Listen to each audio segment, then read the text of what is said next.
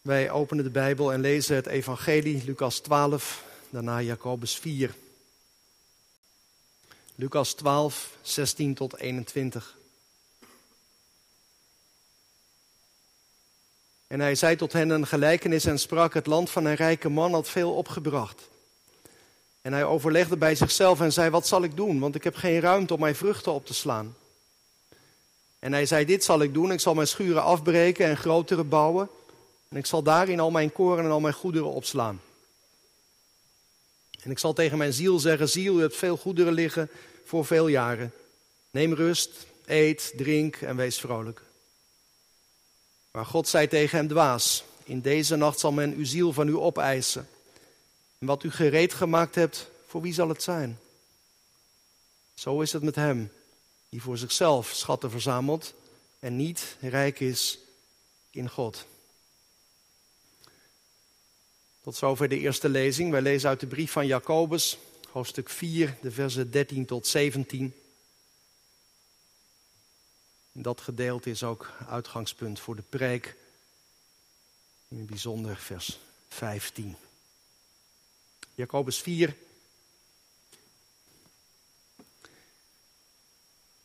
En nu dan, u die zegt, wij zullen vandaag of morgen naar die en die stad reizen en daar een jaar doorbrengen en handel drijven en winst maken.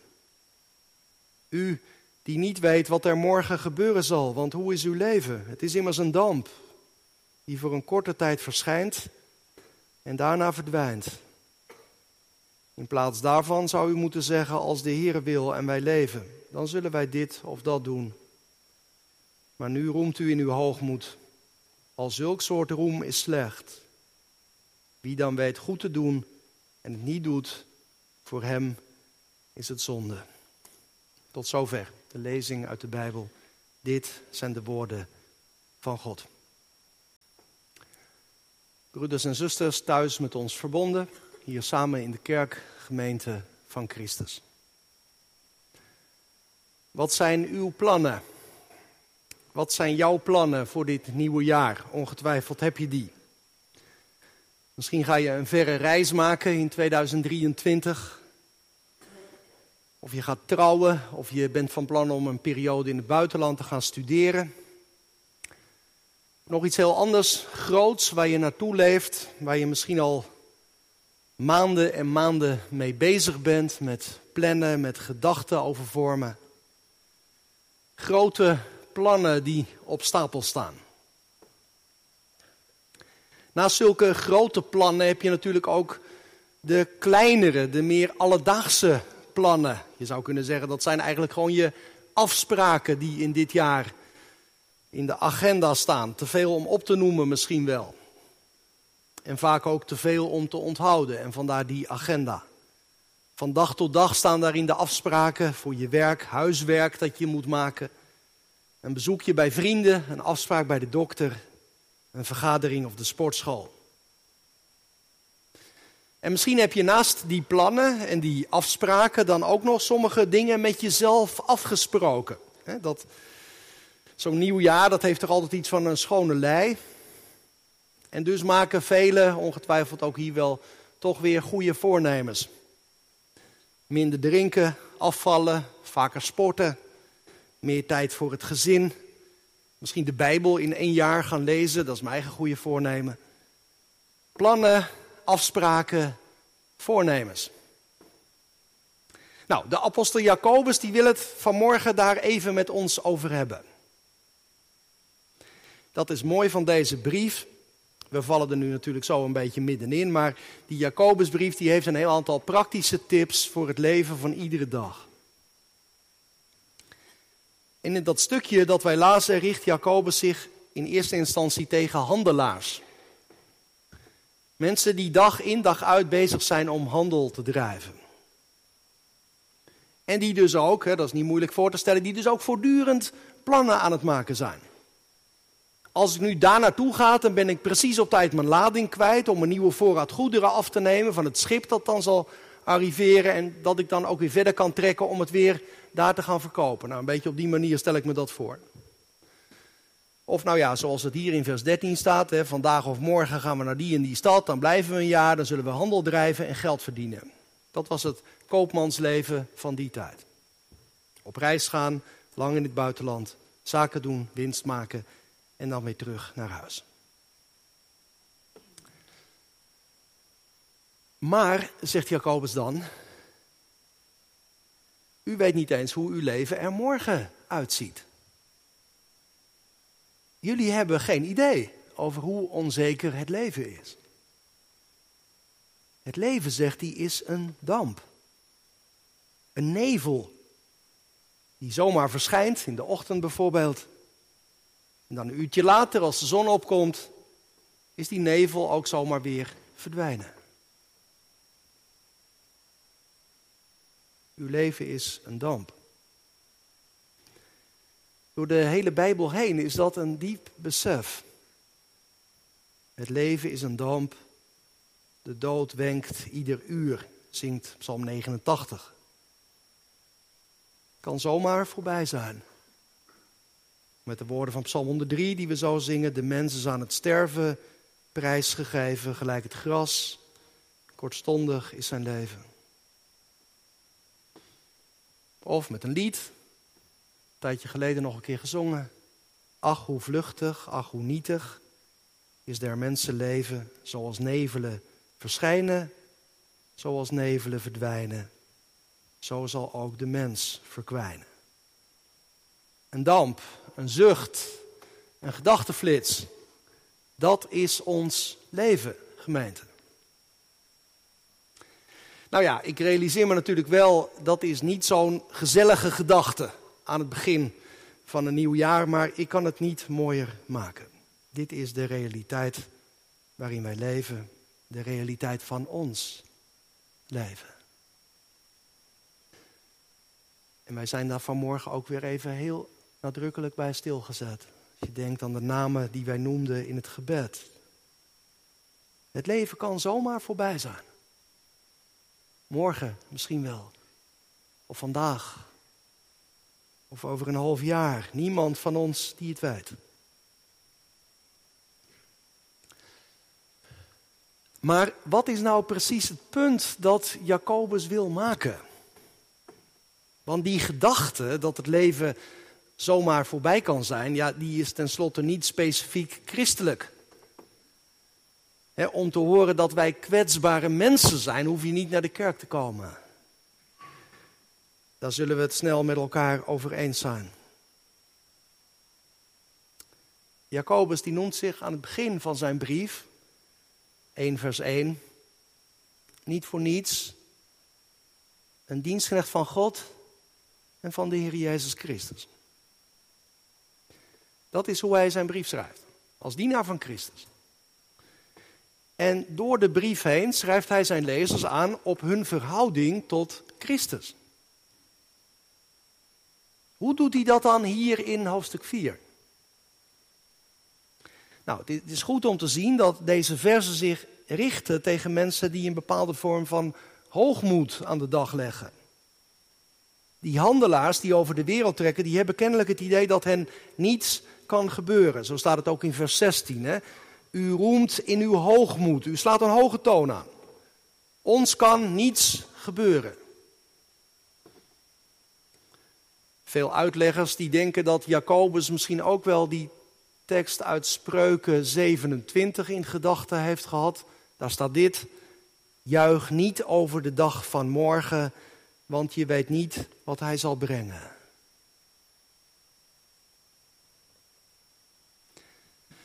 Jacobus probeert die gemeente, als ik het goed zie, een diepere laag bloot te leggen.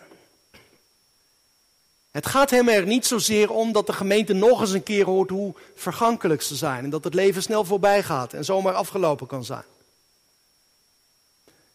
Jacobus veroordeelt ook niet het maken van plannen. Maar hij stelt de pretentie aan de kaak dat dat ook wel zonder God kan. Dat is hoogmoed. Dat je denkt dat dit leven in jouw handen is. Dat jij het moet maken en het ook kunt maken, zonder te rekenen met God of met de mensen om je heen.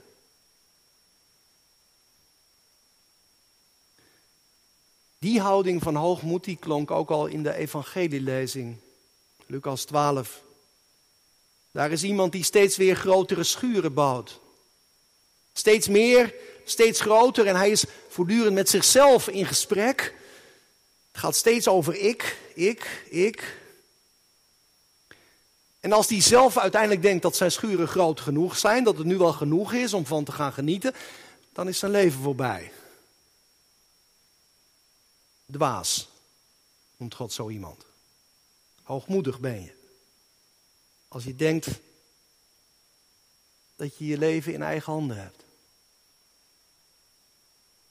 Nou, dat lijkt me de kritische spiegel van dit Bijbelgedeelte.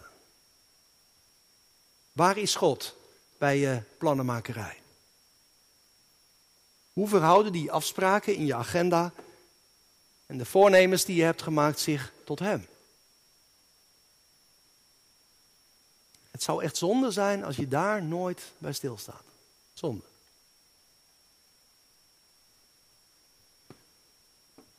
Welke weg wijst Jacobus? Hij zegt, in plaats van je plannen breed uit te meten en hoogmoedig te denken dat je zelf je leven in handen hebt, zeg in plaats daarvan, vers 15, als de Heer wil en wij leven, dan zullen we dit of dat doen.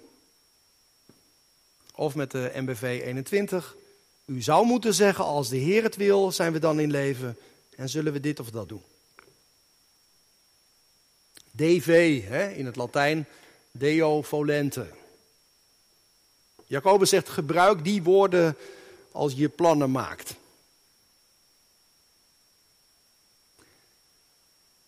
Nou, je voelt natuurlijk wel, het gaat niet om die woorden op zichzelf. Het zegt nog helemaal niets als je die woorden DV toevoegt aan een toekomstige datum. Het gaat Jacobus er ook niet om dat we die uitdrukking te pas en te onpas in de mond nemen. Dan kan het ook zo'n frase worden. Je denkt, nou, dat heb ik dan ook weer gezekerd. Nee, nee, nee.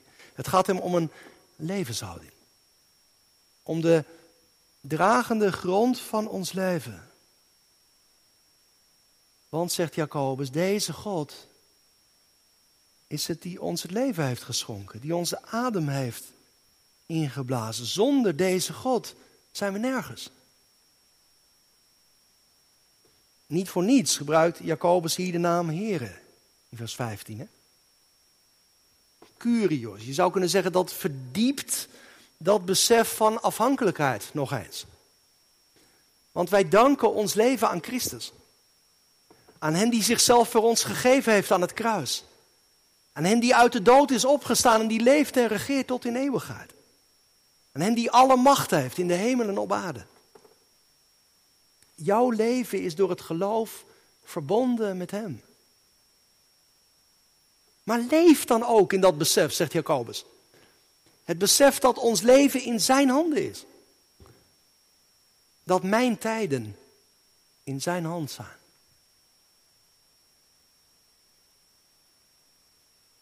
Gemeente, daarin ligt een geweldige troost. Als je dat weet. Juist omdat ons leven zo onzeker is en zo kwetsbaar. Juist omdat wij niet weten hoe dit nieuwe jaar eruit ziet. Maar wij hebben Christus leren kennen. De Curios. Toch? Ja, want ik zeg dat nou zo even, maar dat is ook een appel, dat voel je wel, hè? Een aansporing om Jezus te zoeken, als je nog steeds aan hem voorbij leeft. Alleen in Christus ligt het leven. En wat er ook gebeurt in 2023, hij zal er zijn. Misschien zie je als een berg op tegen dit jaar. Misschien staan er heel ingrijpende dingen te gebeuren in je leven. Of zie je op tegen de leegte, tegen het gemis van geliefden. Maar we gaan niet alleen. Hij is erbij. Ook als ik mijn laatste adem uitblaas, wanneer dat ook zal zijn. Ik ben veilig in Jezus' armen. Niets kan mij scheiden van de liefde van Christus. Nog één keer met de woorden van dat lied van Michael Frank. Ach hoe nietig, ach hoe vluchtig is der mensen wezen. Al ons doen en al ons streven, heel de wereld duurt maar even. Wie God vreest, zal eeuwig leven. Dat geeft hoop, de verbondenheid met Christus. Dat zelfs de dood geen scheiding kan maken tussen ons en Hem. Intussen, intussen staat je agenda vol. In ieder geval zo zal het bij velen van ons zijn. Intussen heb je grote plannen, ontelbaar veel afspraken, goede voornemens. Prachtig is dat. Ik zou zeggen, mooi als je ook in je hoofd en je hart ruimte hebt om daaraan toe te geven. Prachtig. Jacobus wil ons helemaal niet belemmeren om te leven of zo. Het gaat er maar niet om dat je geen grootse plannen zou mogen maken, dat je idealen moet laten varen. Of dat je voortdurend in angst moet zijn omdat je leven zomaar voorbij kan zijn. De vraag lijkt me wel of jouw plannen, afspraken, voornemens passen in een leven met God. In vers 15 gaat het over de wil van God, over God die beschikt over het einde van ons leven. Maar dat is natuurlijk niet het enige. Zijn wil gaat over ons hele leven. Denk nog even aan wat wij lazen in Psalm 1 over de wet van God. Ons zijn de woorden van God toevertrouwd. Die ons vertellen wat God van ons wil, hoe we Hem kunnen dienen. Hoe we achter Hem aan kunnen gaan. En daarom zeg ik het niet tegen de kinderen alleen, maar tegen ons allemaal hier in de kerk en thuis of waar je ook bent verbonden. Wat mooi dat je er bent. Wat goed dat je hebt ingeschakeld. Over goede voornemens gesproken. Laat de kerkdienst je niet ontnemen. Zorg dat je hier in het nieuwe jaar steeds weer bent. Om steeds weer te horen wie God is. En wat Hij van je vraagt. Om Zijn wil meer en meer te leren kennen. Gemeente, wij mogen met vertrouwen het nieuwe jaar ingaan. God dienen op de plaats waar Hij ons roept. In de zekerheid dat wij veilig zijn bij Hem. Nu en voor altijd. Met woorden van Paulus uit Romeinen 14. Niemand van ons leeft voor zichzelf. En niemand van ons sterft voor zichzelf. Zolang wij leven, leven we voor de Heer. En wanneer wij sterven, sterven wij voor de Heer. Dus of wij nu leven of sterven, wij zijn van de Heer. Amen.